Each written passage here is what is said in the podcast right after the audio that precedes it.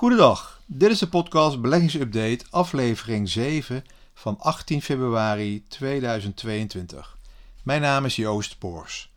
Elke week in het kort al het relevante beursnieuws, alles over beleggen en vermogensopbouw. Ook elke week een praktijkcasus, deze week de kracht van dividend voor het totale beleggingsrendement. Nou, even terugkomen op mijn podcast van verleden week over biotechnologiebedrijven. Nou, Procure Therapeutics, een Nederlands biotechnologiebedrijf met een beursnotering op de Nasdaq in Amerika. Nou, die koers stond de laatste twee jaar tussen de 2 en de 20 dollar per aandeel. Nou, vrijdagmiddag, verleden week, dus verleden week kwam het uh, biotechbedrijf met nieuws dat de resultaten van een onderzoek naar gentherapie tegenviel. De koers reageerde heftig en daalde 80% in één dag. Dit is het risico van beleggen in kleine biotechbedrijven. Hier had ik het verleden week in mijn verhaal reeds over. Kansen, maar ook risico's. Daarom beleg ik, zelf niet in individuele biotechnologiebedrijven, maar, maar mijn portefeuille bestaat uit uh, indextrekkers en beleggingsfondsen. Maar dat geldt ook voor uh, andere aandelen. Dus ik, ik zit meer in indextrekkers en beleggingsfondsen. Betere spreiding, spreid maar een beetje het risico en denk aan vermogensopbouw op lange termijn.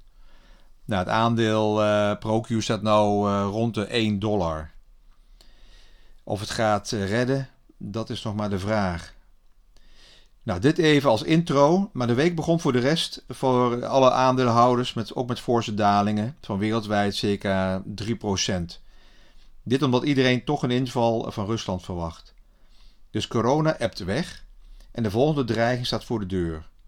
De beurzen stonden er al technisch zwak voor, na anderhalf jaar stijgen onder invloed van het gratis geld door de centrale banken. En nu zie je een tegengestelde beweging en zakken de beurzen terug naar het gemiddelde op de lange termijn. De bewegingen op de beurs zijn deze dagen onvoorspelbaar, omdat de dominante factor nu wel de situatie Rusland-Oekraïne is. Het is wachten op het bericht dat de Russische troepen zich terugtrekken bij de Oekraïnse grens. Volgens de NAVO schijnt dat nog helemaal niet te gebeuren, zoals dinsdag wel werd beweerd.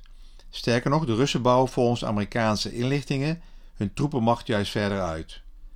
En nu weet uh, ik niet hoe betrouwbaar die Amerikaanse inlichtingen zijn. We hebben immers slechte ervaringen uit het verleden hè, met uh, Irak. Maar het is wel duidelijk dat van een de-escalatie nog geen sprake is. Volgens een bericht van een Russische staatsnieuwsdienst zouden Oekraïners op meerdere plaatsen hebben geschoten deze week op de Rusland gesteunde separatisten. Nu weten we ook niet wat hiervan wel waar is natuurlijk. Nou, zo kan je dat nieuws blijven volgen.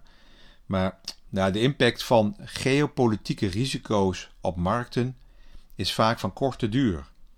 In daadwerkelijke oorlog is uiteraard, uiteraard nog wel mogelijk.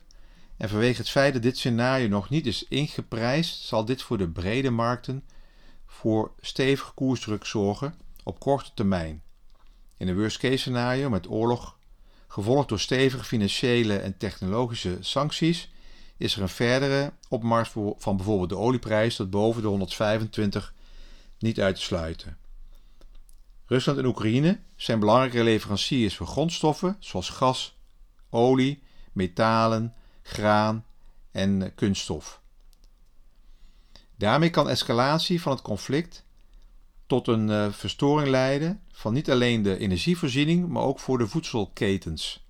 De toeleverancier, toeleveranciersketens staan al onder druk met een opdrijvend effect op prijzen. Nou, dan komen we toch weer terug op inflatie. Voor beleggers is de aanhoudende oorlogsdreiging reden om iets nerveuzer te worden. Die houden namelijk niet van onzekerheid. Veilige havens zoals de Japanse yen, Amerikaanse staatsleningen en goud zijn deze week populair. Voor iedereen die op korte termijn handelt is het uh, moeilijk. Kansen zijn er voor de lange termijn belegger om misschien bij weer een forse daling wat kasgeld te investeren of wat obligaties te ruilen naar aandelen. Ik vind dat deze actie van obligaties ruilen voor aandelen voor mijzelf alleen een optie is indien we nog minimaal 5 à 10% in aandelen dalen. Want je gaat toch weer een ander risico aan indien je relatief veilige obligaties ruilt naar meer risicovollere aandelen. Nou, er was deze week ook bedrijfsnieuws. Cijfers van uh, onder andere DSM waren weer prima. Het bedrijf zit in een transitiefase vanuit chemie en materialen naar duurzaam en voeding.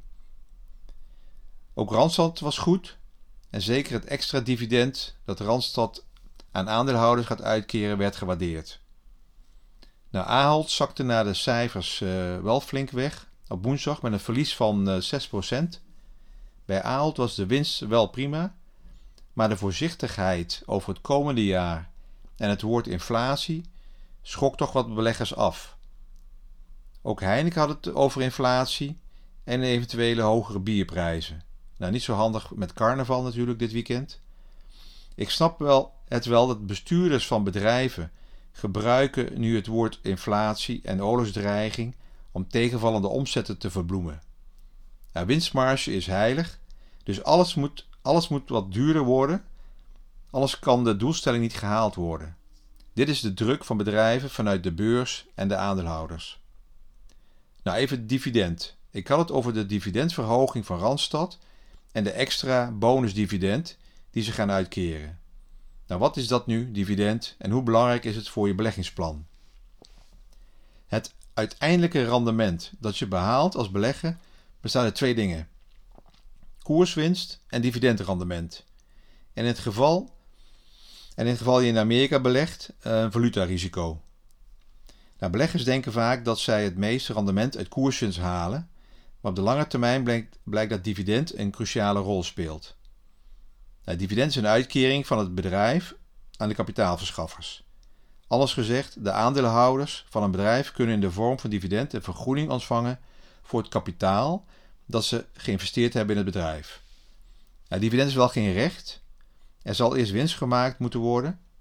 Ieder bedrijf heeft een dividendbeleid uitgeschreven. En dit kan natuurlijk altijd wel aangepast worden in de tijd. Een bedrijf kan in, in uitzondering, uitzondering uh, situaties afzien van een uitkering. Nou, de kracht van dividend wordt vooral op de lange termijn duidelijk. Als beleggers het ontvangen dividend herinvesteren. Uit onderzoek blijkt dat meer dan 40% van het totale rendement uit dividend, dividendgroei en het herinvesteren van dividend komt. Om dividend te kunnen krijgen moet je als belegger aandelen van een bedrijf hebben dat dividend uitbetaalt. De hoogte van het dividend staat niet vast. Wel kan vooraf bepaald zijn welk percentage van de winst aan dividend wordt uitgekeerd. Bijvoorbeeld de komende vijf jaar keren wij 30% van de winst uit aan de aandeelhouders. Nou, dit is bijvoorbeeld belangrijk voor pensioenfondsen die dan een beeld hebben van de kaststroom voor de komende jaren. Het management van het bedrijf kan ook besluiten om geen dividend uit te betalen. Bijvoorbeeld omdat het de afbouw van schulden of het investeren in nieuw onderzoek belangrijker vindt. Inflatie zorgt ervoor dat geld minder waard wordt. Voor beleggers die een inkomen halen uit beleggingen is het dan ook van belang om dit inkomen minimaal mee te laten groeien met de inflatie. Dan blijft de koopkracht gelijk. Dividendaandelen zijn historisch gezien naar redelijk goed in staat gebleken de inflatie bij te benen. Nou, een paar opmerkingen. Dividend beleggen is wel iets voor de lange termijn. Het jaarlijks 3 à 4 procent dividend ontvangen en herbeleggen is niet interessant als je geen geduld hebt. Alleen een portefeuille opbouwen met dividendaandelen is ook te eenzijdig. Kijk maar naar de sterke stijging van technologieaandelen, groeiaandelen genoemd. Deze keren bijna geen dividend uit, maar hebben een hoge winstgroei en herinvesteren de winst in de groei van de onderneming. Alleen zoeken naar het hoogste dividendrendement is ook niet altijd handig. Hoog dividend kan ook betekenen dat de winst van de onderneming onder druk staat en de beurskoers gedaald is. Hierdoor is het dividend nu nog hoog, maar het risico ook omdat niet zeker is dat dit dividend de volgende keer gehandhaafd blijft. Voorbeelden zijn bijvoorbeeld Egon en Shell. Hier werd het dividend in 2020 gepasseerd of verlaagd. Dus steeds komt het weer terug. Een goede spreiding over verschillende sectoren en bedrijven blijft ook hier belangrijk. Doch altijd de basis van echt vermogen opbouwen blijft spreiding. Er zijn diverse manieren om een dividendportefeuille op te bouwen. Je kan kiezen voor beleggingsfondsen en of individuele aandelenportefeuille. De meeste banken en vermogensbeheerders hebben hier wel een voorbeeld van. In het weekblad Beleggersbelangen hebben ze al een paar jaar een aantal varianten van dividendportefeuilles. Dan kan je gewoon kijken welke individuele aandelen hebben ze nu allemaal opgenomen in die portefeuilles. Mocht je een beleggingsfonds prefereren boven individuele aandelen, dan kan je kijken naar JP Morgan Global Dividend Fund of DWS Top Dividende Fund. Je kan ze ook allebei nemen, dan heb je ook een betere spreiding. Nou, dank voor het luisteren. Zoals altijd alles op persoonlijke titel, geen direct beleggingsadvies en op basis van openbare informatie. Tot de volgende week.